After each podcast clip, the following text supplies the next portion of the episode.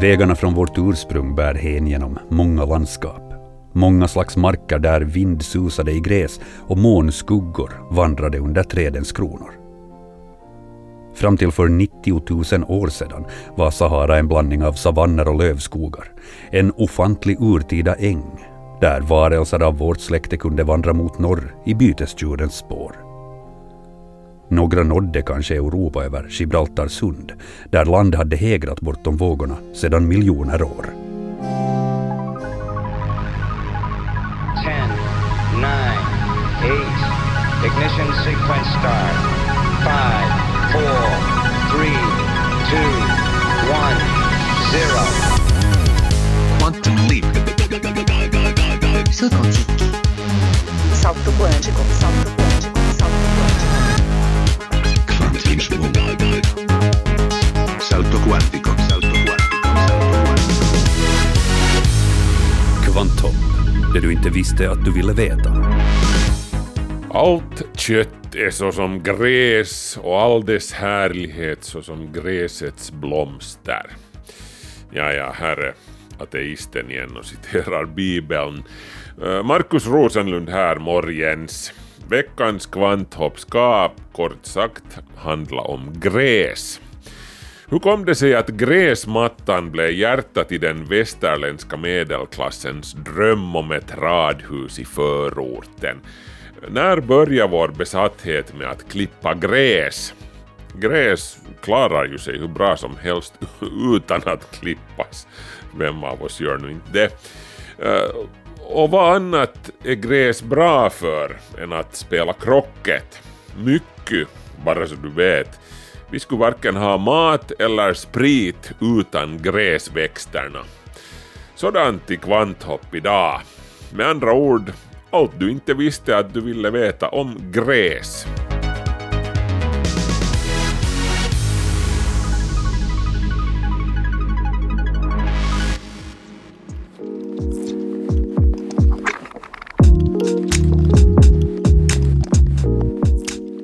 I skrivande stund befinner vi oss i värmeböljans klor med exceptionell värme på över 30 grader flera dagar i sträck.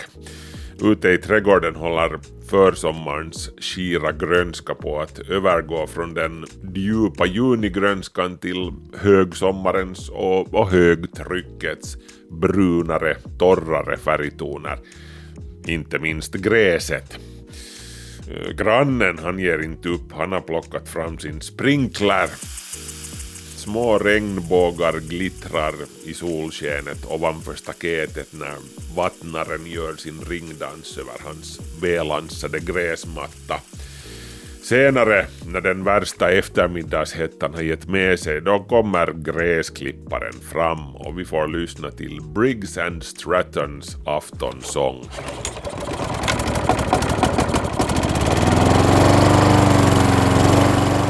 Briggs and Stratton är alltså tillverkare av en av världens allmännaste förbränningsmotorer. Av den enkla orsaken att den sitter i väldigt många motoriserade gräsklippare. Och med andra ord så är de kollektivt ganska törstiga. Enligt siffror från Yale-universitetet i USA förbrukar de motoriserade gräsklipparna omkring 2,3 miljarder liter bensin varje år. Och det här är bara i USA alltså. Och det omfattar alltså bara klippandet. Där ingår inte ännu energin som går åt till att så gräset och till att framställa och sprida ut diverse gödsel och, bekämpningsmedel. I Inalles använder amerikanerna 8,3 miljarder liter bensin till att anlägga och uppehålla sina gräsmattor varje år. Men så odlas det också större arealer av gräs i USA än till exempel vete och majs sammanlagt.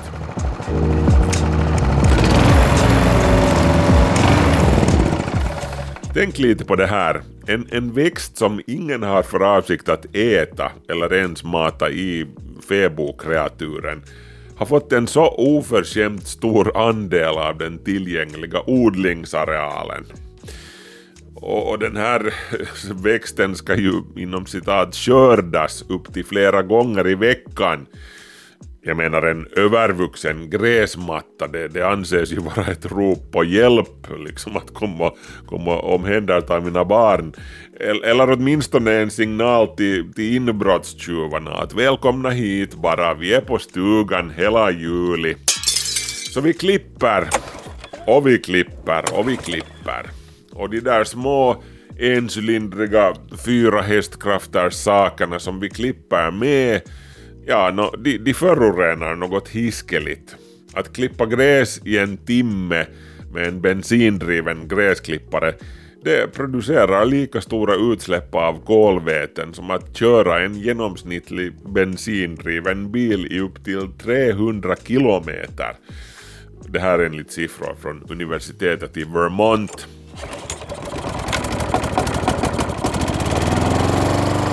Nå, lyckligtvis så är ju de elektriska gräsklipparna på stark frammarsch, men det tar sin tid innan de gör någon skillnad i den stora bilden. För de flesta medelinkomsthushållen så, så är valet fortfarande ganska klart. Om du får en sprillans ny bensinklippare för dryga hundralappen och en elektrisk robotklippare går för sådär tusen euro. Så nu, nu väljer ju de flesta fortfarande bensinklipparen. Och sen är det det här med bevattningen. All den otroliga mängd H2O som går åt till att hålla gräsmattorna gröna också mitt under en värmebölja i stil med den som vi har just nu. För att inte tala om alla gräsmattor som man anlägger på ställen där gräset inte har några naturliga förutsättningar att växa överhuvudtaget, som i Las Vegas eller Dubai. Och egentligen av ingen annan orsak än att det hör till saken.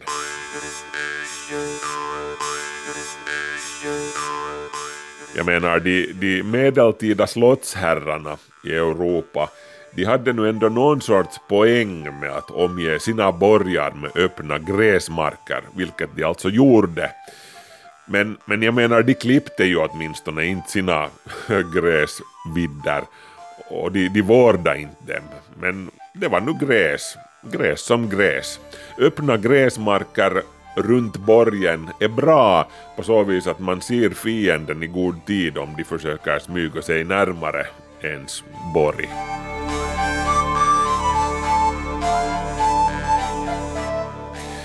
Men sen, i något skede, föll den här strategiska aspekten bort och, och gräsmattan började istället signalera att titta, jag har råd med att ha den här marken här som jag, som jag inte använder till någonting produktivt, som att odla potatis på. Jag har den här gräsmattan här bokstavligen bara för att jag kan. Eh, I och för sig, en del av förortsfolket skulle ju nog förstå de medeltida borgherrarna beträffande det där med att gräsmattor underlättar spanandet. Fast numera är det ju inte fiender man spanar efter utan förbipasserande med hundar som kan tänkas bajsa på ens gräsmatta. Det här är alltså den moderna urbana motsvarigheten till riddartidens sed att kasta en handske mot någon som man ville utmana till en duell. Hundbajset på gräsmattan. Challenge accepted. Vi ska alldeles strax gå in på, på exakt hur och var vår besatthet med gräsmattor började. Men först vill jag ta gräset i försvar en smula. Gräs är så mycket mera än gräsmattor. Gräsväxterna med sina 780 släkten och 12 000 olika arter är ur en ekonomisk synvinkel också de, de viktigaste växterna på jorden. De har, de har funnits här sedan den senare delen av Trias för omkring 66 miljoner år sedan. Vilket ju för övrigt betyder att under största delen av dinosauriernas herravälde på jorden fanns det just inget gräs alls på jorden. Nå, det här betyder ju inte att det inte var grönt. Det var det ju nog. Det var bara andra sorters gröna växter som dominerade på, på dinosauriernas tid. Men de, de betade alltså sådär som regel inte gräs.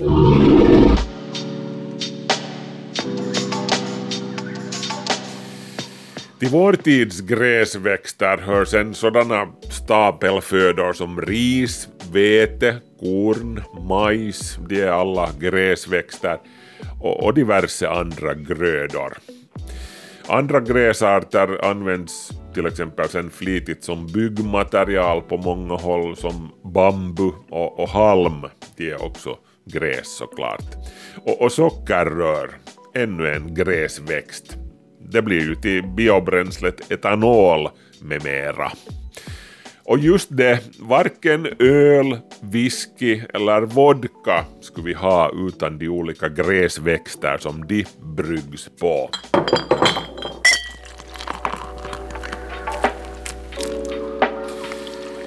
Och, just med tanke på att det finns så många matnyttiga gräsväxter som vi kunde odla på gården där hemma är det smått bisarrt hur mycket mark som offras åt gräset, alltså det här prydnadsgräset, krocketgräset. Till exempel i USA där, där är gräset alltså den överlägset ledande odlingsväxten mätt enligt areal. Jag nämnde visst redan att landets gräsmattor alltså upptar en större yta än allt vete, majs och fruktträdgårdar sammanlagt. I och för sig så, så, finns ju gräsväxterna alltså överallt i världen, också där som vi inte odlar dem.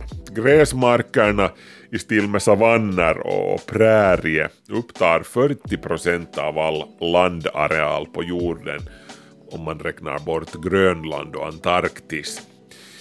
Eh, själv är jag inte så noga med gräsmattor. Jag, jag menar, ge mig hellre det fritt växande gräset på kobbarna ute i skärgården. Med blommor och allt förstås. Gullviva, mandelblom, kattfot och, och blåviol och vad de allt heter.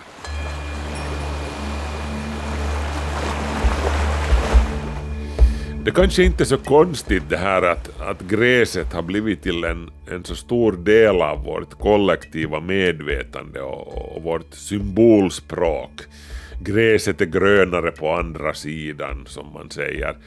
Och som sagt det där med att allt kött är så som gräs och all dess härlighet så som gräsets blomster.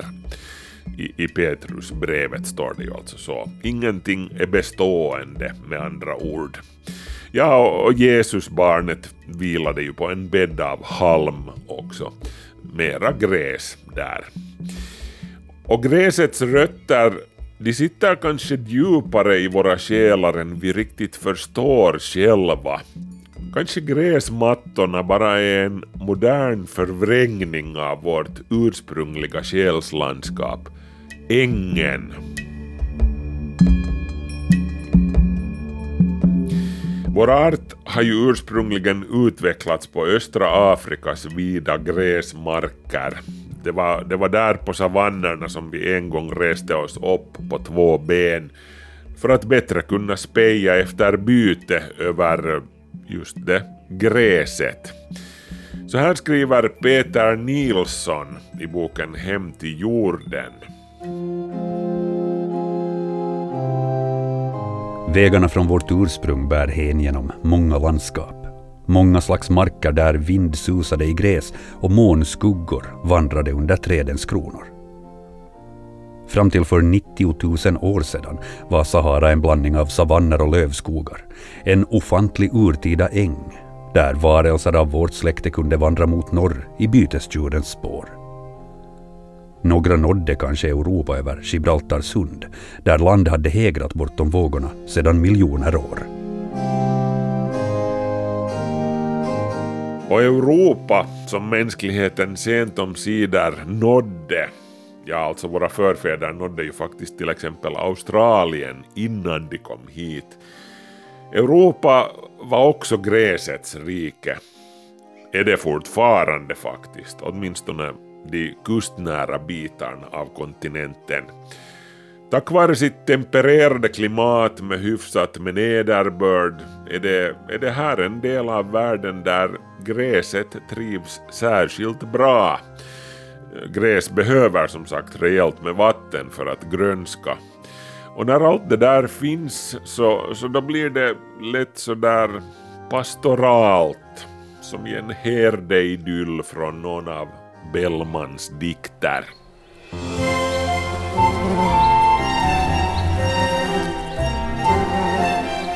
Det är knappast ett sammanträffande, vilket Peter Nilsson också påpekar, att vår tidigaste europeiska kultur ofta kretsar kring just herdelivet. Här vimlar det av gräsbevuxna landskap. De finns hos Homeros och Vergilius. I antikens herdedikter finns de. Nilsson menar att det är ett underligt faktum att vi, vi europeer i århundrade efter århundrade har fantiserat om den här herdeåldern, om, om visionen av Arkadien som ända in i 1700-talet var ett väldigt tema i, i västerländsk litteratur. Vi har drömt oss tillbaka till betesdjurens marker som man drömmer om ett paradis, skriver Nilsson.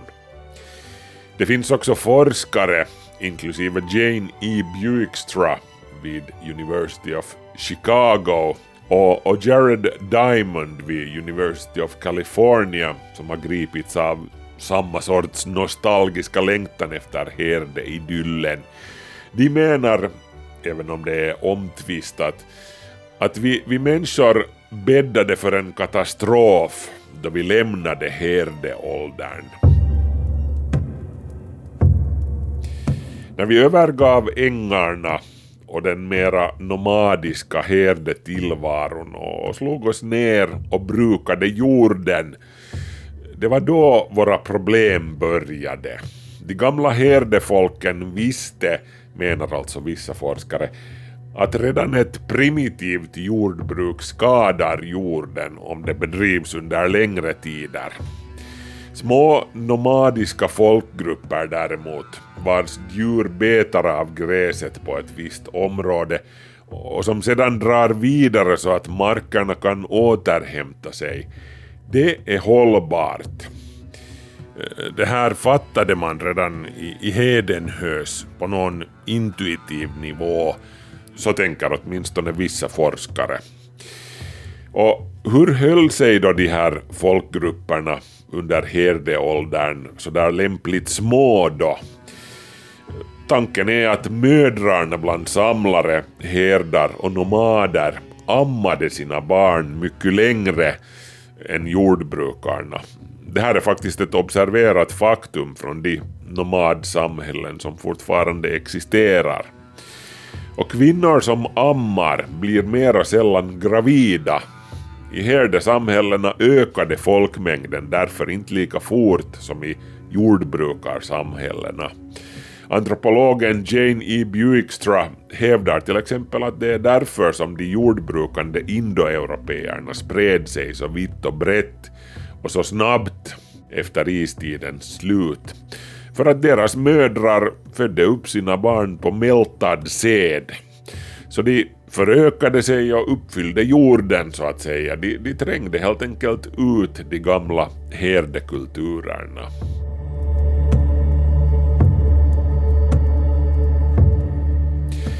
Men de jordbrukande indoeuropeerna de, de betalade ett högt pris för sin expansion. När folk bands vid jorden kunde de inte längre flytta bort till, till bättre jaktmarker när det blev hungertid. Och följden blev undernäring som gjorde befolkningen småväxt. Peter Nilsson noterar i Tillbaka till jorden att när jordbruket nådde Grekland och Turkiet. Blev folket 17 till 18 centimeter kortare. Och än i denna dag har man inte uppnått den medellängd som rådde före jordbrukets tid, på herdarnas tid, på gräsets tid. Jag nämnde visst redan att det var de medeltida slottsherrarna i Europa som inledde seden med att ha sina borgar omgivna av öppna gräsmarker så att fienden inte kom åt att smyga sig på oupptäckt. Eh, men, men de klippte som sagt inte sina gräsmarker. De lät djuren sköta den biten. Och gräs kring borgen, det, det var ännu ingen statusgrej. För, förutom att den som ägde stora betesmarker naturligtvis kunde skryta också med det. Gräset som växte där lät man hur som helst inte gå till spillo. Den moderna eh, prydnadsgräsmattan kan vi kalla den, eller krocketgräsmattan, den föds hur som helst omkring början av 1600-talet. Och uttryckligen då i England under kung Jakob den förstes tid på tronen. Det är knappast ett sammanträffande att just England är gräsmattans hemland. Jag menar, det regnar ju för det mesta där.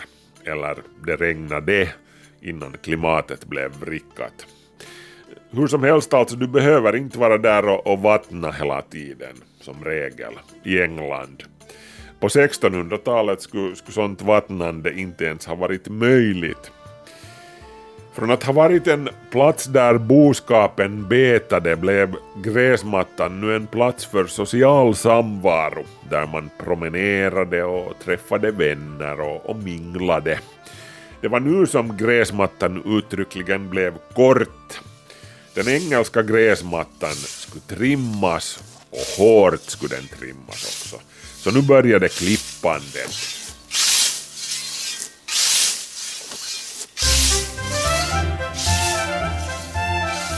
Och de som gick i bräschen för den här trenden, de var såklart aristokratin och lantadeln som med hjälp av en propert omskött gräsmatta kunde signalera att kolla, fyrk finns. Jag är så förmögen att jag kan hålla mig med en så här stor plätt med gräs där jag inte odlar någonting ätbart eller, eller bygger någonting nyttigt.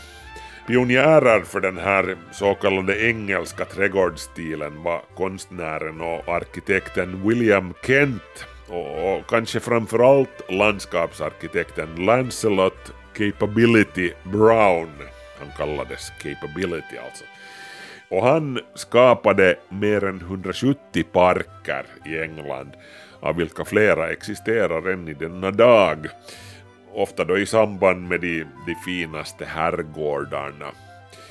Eh, Brown han skrotade den tidigare franska trädgårdsstilen med strikt formella geometriskt indelade rutor och mönster. Eh, Browns gräsmattor de var mer av en sorts trädgårdslös inom citat icke-formell trädgårdskonst där gräsmattan liksom flödade ut från huset och, och följde landskapets och kullarnas konturer med, med organiskt utspridda planteringar, träddungar, bäckar och dammar. Det var väldigt romantiskt och idylliskt helt enkelt.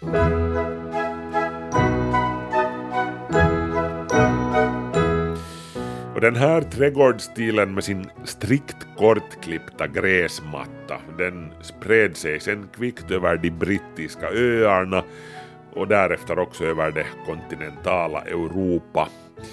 När vi kommer in på 1700-talet har ordet lån, gräsmatta, etablerats till att betyda en trädgårdsplätt täckt av gräs som man klipper regelbundet.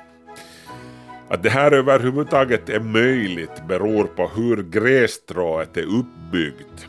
Grässtråets tillväxt sker från stråets nedre del, från, från basen, vilket betyder att man kan klippa av stråets övre del utan att växten tar skada av det. Grässtrået bara fortsätter knuffa upp mera grönt nerifrån.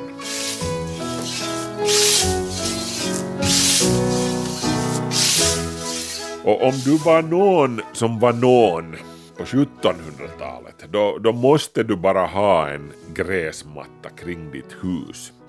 Den här trenden noterades också av de förmögna familjerna i Amerika som började kopiera den brittiska trädgårdskonsten. Bland annat Thomas Jefferson, en av de så kallade founding fathers, hörde till de första i Amerika som inrättade en gräsmatta enligt den engelska stilen vid sin herrgård Monticello. Omkring 1780 satte den frikyrkliga shaker-rörelsen sen igång med industriell produktion av högklassiga gräsfrön och med ens så började det dyka upp gräsmattor lite varstans over there i parker och i samband med privata amerikanska hem också. Och de här gräsmattorna de kom sen att förknippas med det amerikanska frihetskriget.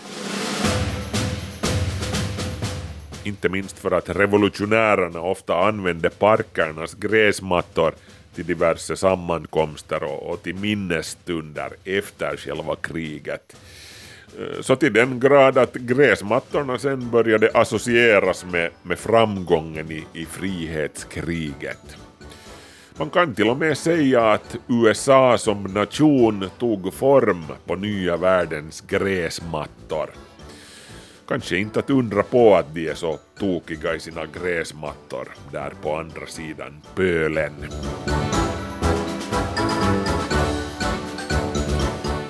Men på den här tiden var det ännu bara möjligt att uppehålla en proper, kortsnaggad, engelskstilad gräsmatta om du hade en fet plånbok. Det krävdes ju nämligen någon som gick runt med en lie och, och trimmade den för hand. Och det kostade pengar att anställa någon som skötte din gräsmatta. Så, så gräsmattorna var rätt långt ett privilegium för de mest förmögna familjerna. Men allt det här förändrades omkring 1830 då en viss britt vid namn Edwin Beard Budding uppfann, ja vad tror ni han uppfann? Nå, gräsklipparen såklart.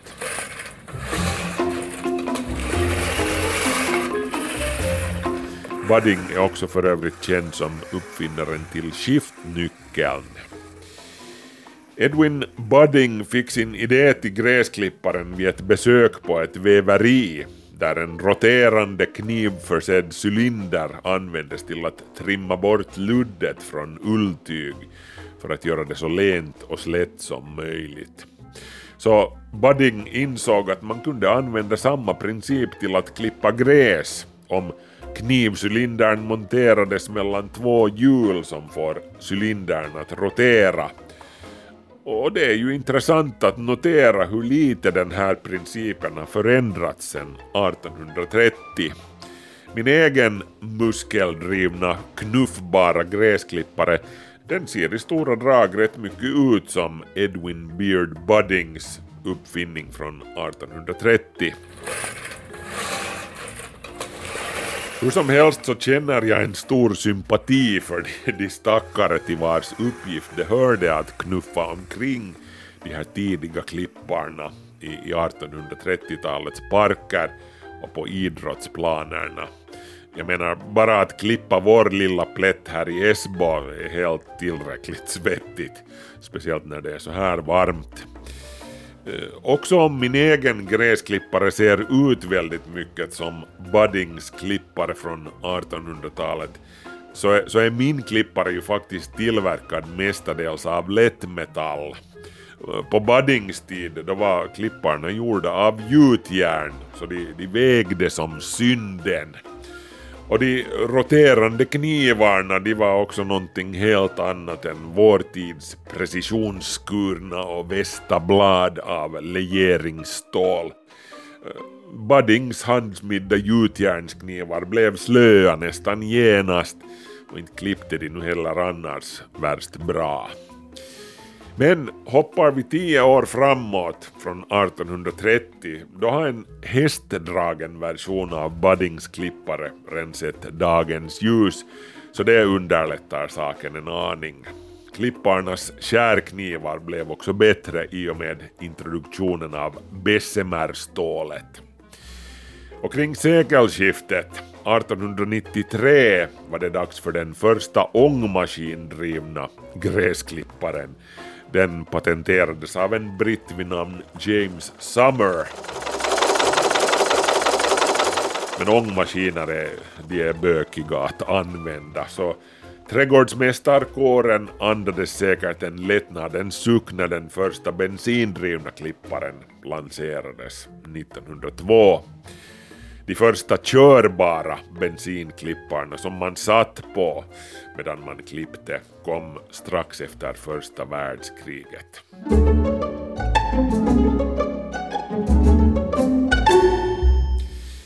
I vilket fall som helst så sammanfaller de mekaniska gräsklipparnas frammarsch med det viktorianska Englands nyvaknade intresse för sport från 1860-talet och framåt. Det här var tiden då fotbollen blev en riktig folksport, när bland annat de brittiska universiteten började ordna fotbollsturneringar.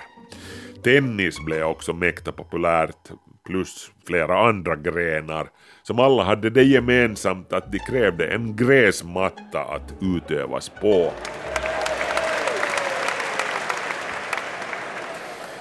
Vid ungefär samma tid kring sekelskiftet pågick också en annan social utveckling som bidrog till gräsmattornas spridning genom västvärlden.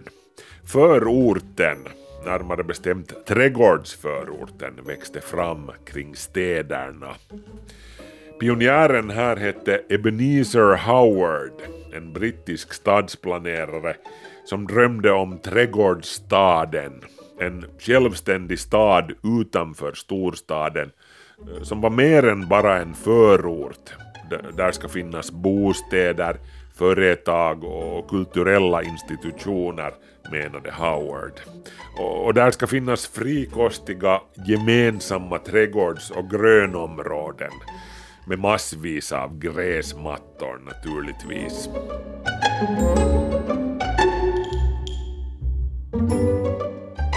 Kända exempel på, på praktiska tillämpningar av Ebenezer Howards filosofi här i Finland är Hagalund i Esbo och, och min egen gamla hemstad Grankulla som grundades som ett aktiebolag 1906.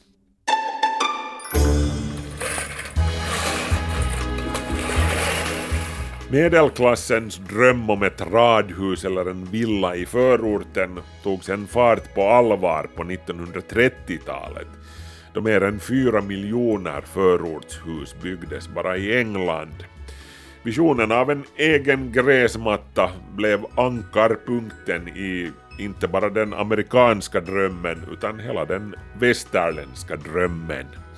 Den skrevs in i, i stadsplanerarnas ritningar och den spreds med allsköns glassiga hus och trädgårdskataloger.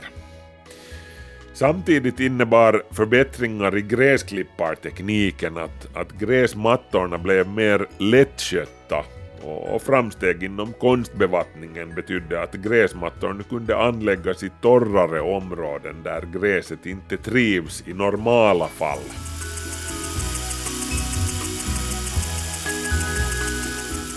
Det finns de som menar att gräsmattan med tiden har blivit mindre av en statussymbol och, och mera av en estetisk grej.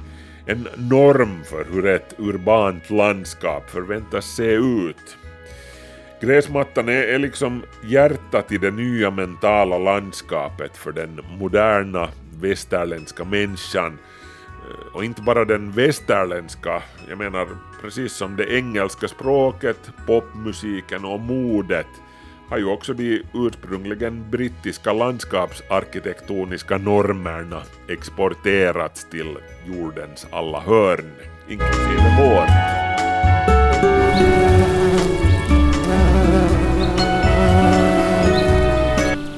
Lyckligtvis finns det hur som helst hörna av världen där man bara kan sitta och se gräset växa utan den där maniska driften att klippa det gräset för jämnan. I mitt fall är det skärgården. Dit drar jag nu för de kommande veckorna. Kvanthopp tar med andra ord nu en semesterpaus men vi är tillbaka igen i början av augusti Till dess kan Yle Vegas lyssnare ta del av valda bitar från vårsäsongen. Och hela Kvanthopps katalog finns ju att bläddra i på Yle Arenan. Ha en riktigt skön sommar, säger jag nu och jag heter Markus Rosenlund. Vi hörs, hej så länge.